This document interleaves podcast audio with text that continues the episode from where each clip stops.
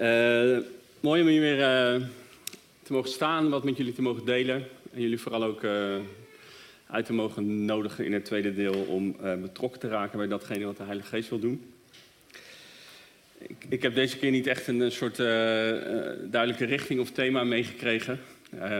dus wat ik dan ga doen is kijken van waar ervaar ik dat er een soort van inspiratie ontstaat, lijnen bij elkaar komen. En voor vanochtend was dat rondom de inhoud van het ervaren van de realiteit van een stukje van wie God is. Nou, daar heb ik dan een vers bij gezocht. Er zijn ontzettend veel versen te vinden, maar deze staat uh, op het schermpje. Proef en geniet de goedheid van de Heer, gelukkig de mens die bij hem schuilt. Dus het is een realiteit, een bijbelse realiteit en hopelijk ook een persoonlijke realiteit in jouw leven, in mijn leven, van het proeven, van het smaken van de goedheid van God. En uh, een van de manieren waarop ik deze week getriggerd werd, uh, was vanuit een gedeelte in Johannes 6. Sommigen van jullie uh, zullen het kennen, waar Jezus best wel stevig onderwijs geeft. En vertelt dat het belangrijk is, en er is echt een enorme schare die naar hem luistert, van hey, het, is, het is belangrijk dat jullie mijn bloed drinken. Het is belangrijk dat jullie mijn vlees eten. Echt uh, graphic, zeg maar, de woorden die hij gebruikt. Raar. En als dat gesprek zich zo wat ontvouwt, zeg maar, dan, dan schrijft Johannes dat de mensen vonden dat hij harde woorden sprak. En ze lieten hem in de steek. Ze gingen weg. Het was niet meer fijn om bij hem te zijn. En in die dynamiek van, van de scharen die zeg maar vertrekt, keert Jezus zich dan op een gegeven moment naar zijn leerlingen. En dan zegt hij, willen jullie niet ook weggaan? En Petrus die antwoordt hem dan en die zegt, Heer, waar zouden wij heen gaan? Want bij u zijn woorden van leven. En dan komt er nog een stukje geloofsbelijdenis achteraan dat hij gelooft dat Jezus de heilige van God is. En ik was met dat gedeelte bezig. En ik dacht, hè, vorige keer, voor de mensen die er waren en die zich dat kunnen herinneren, heb ik ook met jullie stil proberen te staan bij het belang van Gods waarheid buiten onszelf, zijn woord, zijn woorden. En in dit gedeelte beleidt Petrus iets wat misschien wel raakt aan datgene wat de Emmausgangers ervoeren, wat dan ergens anders is opgeschreven. Dat in de woorden van Jezus dat daar leven zit. De Emmersgangers die ervoeren dat hun hart brandende was. Petrus die beleidt het hier op het moment dat hij waarschijnlijk geen snars begrijpt van die rare opmerkingen over vlees eten en bloed drinken. dan zegt hij, bij u zijn woorden van leven. Dat heeft hij ervaren. Hij heeft ervaren dat er leven in hem aangewakkerd werd, ontstond bekrachtigd werd terwijl hij luisterde naar Jezus. Dat ging op, die, op dat moment natuurlijk buiten dat boek om. Want het levende woord was zijn vriend. En daar had hij dagelijks contact mee. En ik was uh, op ziekenbezoek, zeg maar, als ik het zo mag noemen, bij een, uh, een broeder die ik ontzettend waardeer deze week. Ik waardeer hem al heel lang, maar ik was deze week bij hem. En hij heeft een chronische aandoening. En dat wordt steeds erger.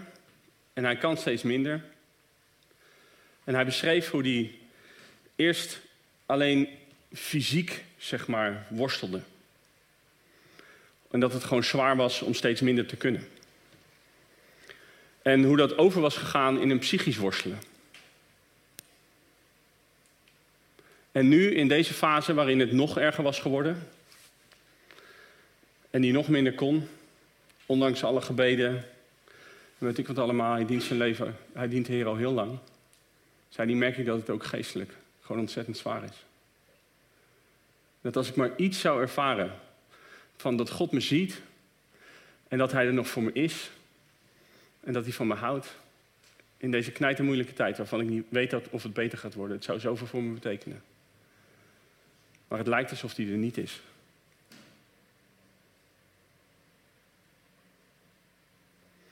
En ik zat bij hem en ik, ik, ik, ik heb recent eh, Job gelezen. En ik dacht alleen maar, Heer, help me om niet een van de vrienden van Job te zijn. Die met de beste bedoelingen of niet met de beste bedoelingen, ik ken die gasten niet. Allemaal dingen zeggen waarvan de Heer zegt dat je beter niet kunt zeggen. Dus ik wist gewoon oprecht niet wat ik moest zeggen. En ik heb denk ik niet zoveel gezegd. Maar aan het einde vroeg ik, we, kennen elkaar, dus ik zeg, gast, ik, ik, blijf natuurlijk voor je bidden. Maar zou je het ook fijn vinden als ik dat nu doe? En ik wist oprecht niet of hij ja of nee zou zeggen. Hij zei ja, dat zou ik wel fijn vinden. Dus ik heb kort voor hem gebeden, hij heeft nog voor mij gebeden. En ik ben in de auto gestapt. En ik dacht, Heer, waarom? Als dit in de Bijbel staat, kan hij op dit moment niet proeven en een klein beetje genieten van iets van uw goedheid? Waar bent u dan? ik was boos op God en op de situatie. Het maakte me ook verdrietig. Maar het zette me wel stil bij het belang van die persoonlijke ervaring. En ik weet van hem dat hij die ervaring heeft gehad. En ik moest denken aan iets wat, uh, wat in de Alpha-cursus, in ieder geval vroeger, toen ik veel met die cursus bezig was, naar voren kwam. Uh, dat heette dan de driepoot.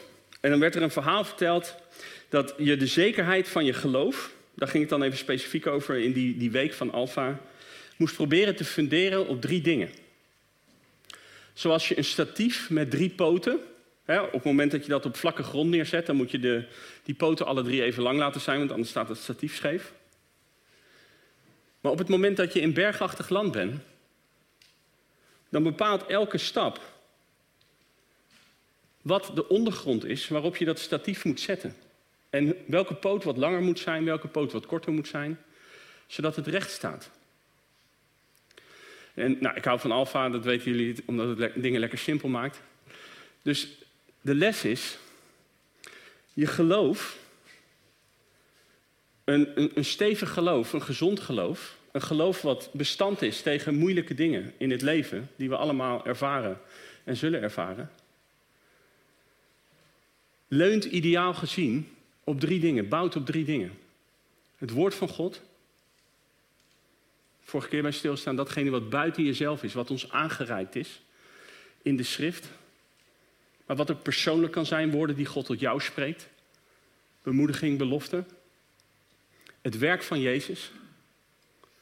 Een historische gebeurtenis die heeft plaatsgevonden, waar je door de Heilige Geest betekenis aan kan toekennen. Dat heet dan geloof. Waardoor je weet, hey, dit was niet gewoon een man. Dit was niet gewoon een afschuwelijke marteldood. Hier is alles veranderd. En als derde het werk van de Heilige Geest. En dat is dat persoonlijke. De vrouwen die Jezus volgden. De een was bevrijd van zeven demonen. De ander was een prostituee geweest. En Jezus had haar omarmd op een manier dat haar schande en haar schaamte en haar schuld was weggenomen en dat ze zich vrij voelde om weer onder de mensen te zijn en zelfs om haar Heer te dienen en dichtbij hem te zijn en tot zegen te zijn voor anderen. De tollenaar, noem het maar op. Al die mensen die hadden een verhaal met deze man. Ze hadden iets ervaren. En als Jezus zegt uh, hè, tegen zijn leerlingen in de tijd waarin we nu leven, zeg maar even in het kerkelijk jaar van... Ga naar de stad en wacht tot je bekleed, bekleed wordt met kracht uit de hoge. En ze gaan naar de bovenkamer en ze zijn daar tien dagen aan het bidden. En de Heilige Geest komt op de Pinksterdag. Dan hadden ze theologisch gezien helemaal geen idee van wat daar gebeurde, of vrij weinig. Het wordt Petrus geopenbaard en hij preekt vanuit Joel en zo. Daar gaan we over een paar weken wel bij stilstaan. Maar de kracht was zichtbaar. De realiteit van Gods aanwezigheid was zo overweldigend. Dat er van allerlei dingen gebeurden. Nou, dat smaken of dat proeven en dat genieten, dat hoeft niet uh, altijd krachtig te zijn en het hoeft niet altijd over grote dingen te gaan. Maar in dat alfa-lesje zeggen ze dus, afhankelijk van waar jij bent, hoe rotsachtig het is, hoe hobbelig het is, is het belangrijk dat het statief goed is afgesteld. En in de ene omstandigheid leun je misschien wat meer op een lange stevige poot van de woorden van God en ervaar je geen reet. En hou je vast aan wat je gelooft, wat Jezus heeft gedaan en wat Hij ook al in jouw leven heeft gedaan. En in de andere omstandigheid ervaar je misschien veel, veel mensen komen tot geloof doordat ze iets proeven van God. Zijn goedheid. Maar het is belangrijk dat het woord erbij komt. Dat er een begrip van wat Jezus heeft gedaan bijkomt. En in de psalmen wordt aan de, de Joden dan zo vaak geleerd: vertel je kinderen, generatie op generatie, van de daden van God. En toen konden ze nog niet teruggaan naar het kruis en naar het werk van Jezus, want die moest nog komen. Maar breng in herinnering wat God heeft gedaan. Daarom is het zo gaaf als je journalt en als je dingen opschrijft, zodat je terug kan gaan naar dingen die God heeft gesproken, naar dingen die God heeft gedaan. En afhankelijk van je omstandigheden, en ik weet niet waar jij nu bent, en wat je nu ervaart, wat je nodig hebt, zeg maar, zodat het statief recht kan staan. Maar dat verschilt. Maar wat ik naast datgene wat ik twee maanden geleden heb gebracht wil zetten, is dus het belang van het werk van de Heilige Geest. En als ik het even plat sla, het belang van het persoonlijk ervaren van de aanwezigheid van God in jouw leven. Van zijn goedheid. Van het feit dat hij je graag wil zegenen. Als ik het nodig heb om, om eh, of ik, zou, ik vind het fijn om even opnieuw te ervaren dat Josephine me nog steeds uh, leuk vindt. Of dat ze van me houdt. En ik zou vragen, schat, wil je me een knuffel geven? Of wil je me even zeggen wat je van me vindt? De positieve dingen. En dan is het heel raar als ze naar boven loopt. Naar mijn kantoor. In het linker bovenlaadje van het meubeltje wat onder het bureau staat, ligt ons trouwboekje. Zegt ze, Joost, hier. Dat is mijn handtekening. Dus ze gaat niet naar wat geschreven is, ze gaat niet iets van toen. Ze zoekt een manier op dat moment of op een later moment om opnieuw gewoon even te bevestigen in het feit dat ze me een leuke vent vindt en dat ze nog steeds blij is dat ze met me getrouwd is of vice versa. En zo is het ook met God.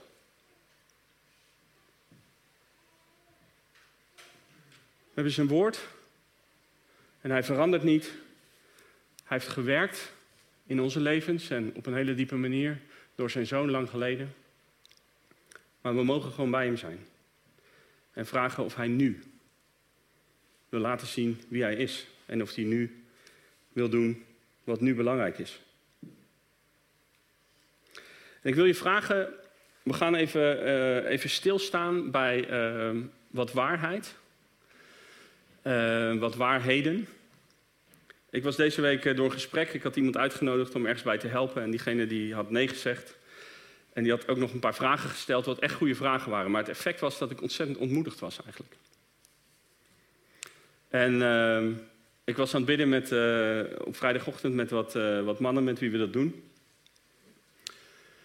En dat kwam eigenlijk, tijdens dat bidden realiseerde ik me dat. Sterker dan in dat telefoongesprek, zeg maar, waarin ik deze dingen hoorde.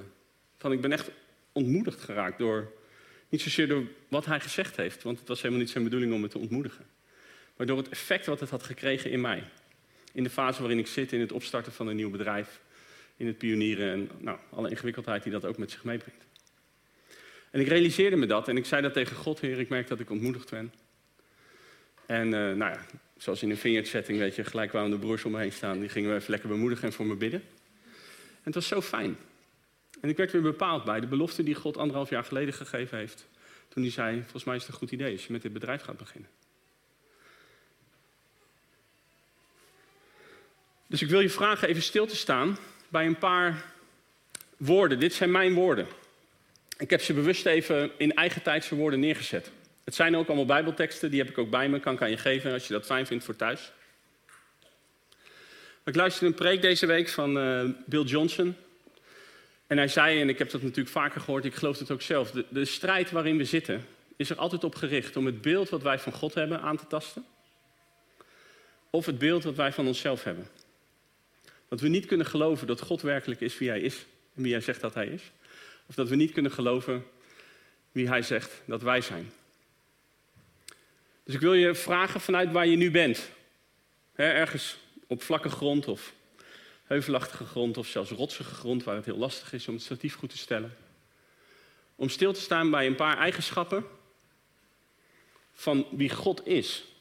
Dingen die hij over zichzelf zegt in de Bijbel. Om gewoon te kijken, zit er eentje bij die op dit moment voor jou behulpzaam is? Waarvan je zou willen dat hij dat ook betoont in je leven. Dat hij laat zien dat hij dat is. En God krijgt zoveel namen, hè? dit zijn er maar een paar.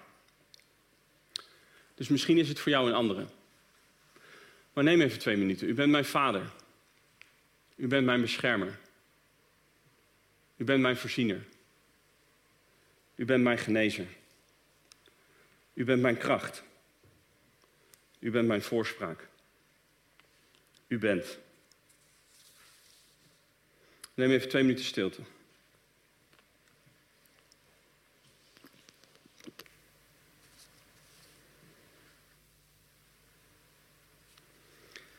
En ook een paar dingen over, uh, die de Bijbel dan zegt over wie wij zijn. Ook opnieuw weer even in mijn eigen woorden, maar allemaal Bijbelse vindplaatsen. Ik ben volledig vergeven. Ik ben onvoorwaardelijk geliefd. Ik ben mooi gemaakt.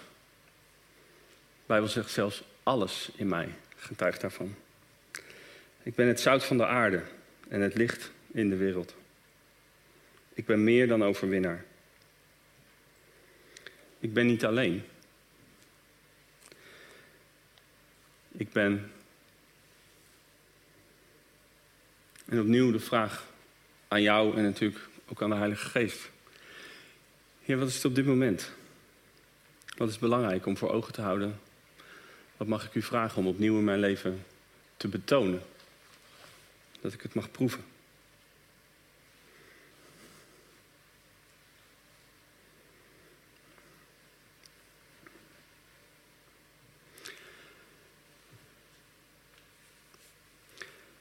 Toen ik nadacht over een vorm, toen. Het is niet heel creatief, I know. Toen dacht ik, ja. Misschien toch goed om uh, jullie te vragen om betrokken te raken bij elkaar. Ja, afgelopen vrijdagavond hadden we met onze 18-plussers in de gemeente een avond. En Hanna is lekker achter de piano gekropen. We hebben geprobeerd, ieder op zijn eigen manier, met waar hij is, wat hij voelt, wat hij vindt. Bij God te zijn. En daarin oog te hebben voor elkaar. Wat dingen te delen, voor elkaar te bidden. Het was echt. Ja, het was gewoon speciaal. Het was bijzonder om daar te zijn. En daar in de rust even de tijd voor te nemen. Ik zou het eigenlijk nu gewoon hetzelfde willen doen. En jullie daarin willen uitnodigen. En als aftrap zeg maar, lees ik graag het gedeelte uit Jezaja, wat Jezus zichzelf toe-eigent nadat hij bekrachtigd is door de Heilige Geest in, door, uh, na de verzoeking in de woestijn. En zijn bediening begint. Daar staat de geest van God de Heer, rust op mij. Dit is wat Jezus geloofde over zichzelf, dit is wat hij liet zien in hoe hij mensen aanraakte en met hen omging. En dit is wat zijn geest in ons en door ons heen doet, wanneer we daarvoor openstaan naar elkaar toe. De geest van God de Heer rust op mij. Want de Heer heeft mij gezalfd. Om aan armen het goede nieuws te brengen heeft hij mij gezonden. Om aan verslagen harten hoop te bieden. Om aan gevangenen hun vrijlating bekend te maken. En aan geketenden hun bevrijding. Om een genadejaar van de Heer uit te roepen. Om alle die treuren te troosten. Om hen te schenken een kroon op hun hoofd in plaats van stof. Vreugdeolie in plaats van rouw feestkledij in plaats van verslagenheid. Proef en geniet de goedheid van de Heer. Gelukkig een ieder die bij hem schuilt. En de leerlingen die dit proefden, de leerlingen die erop uitgestuurd werden om hun handen op zieken te leggen om demonen te vertellen dat ze moesten opzouten. Om melaatsen aan te raken, om eten uit te delen. Om vrouwen weer een plek te geven in het centrum van de gemeenschap. Die leerlingen die snapten op theologisch gebied heel weinig van waar ze mee bezig waren. In hun leven was niet op orde. Nou, dat geldt voor mij ook en misschien voor jou ook. Dat betekent dat wij geschikt zijn om in die geest een zegen te zijn voor elkaar. Dus ik wil jullie uitnodigen om in drietallen voor elkaar te gaan bidden. Zo simpel is het. Echt maximaal vier, want anders dan moet je gaan haasten en dat is niet fijn. Of het duurt langer dan een van jullie handig vindt. Dat is ook niet prettig. Ehm, het zou tof zijn dat mensen die ervaren, hey, dit is niet voor mij, dat je weet, dat is helemaal goed. Dan doe je gewoon niet mee. Of je luistert alleen, of je ontvangt alleen. He, er mag wel voor jou gebeden worden, maar je vindt het niet fijn om zelf ook hardop te bidden. Helemaal goed. Doe lekker mee.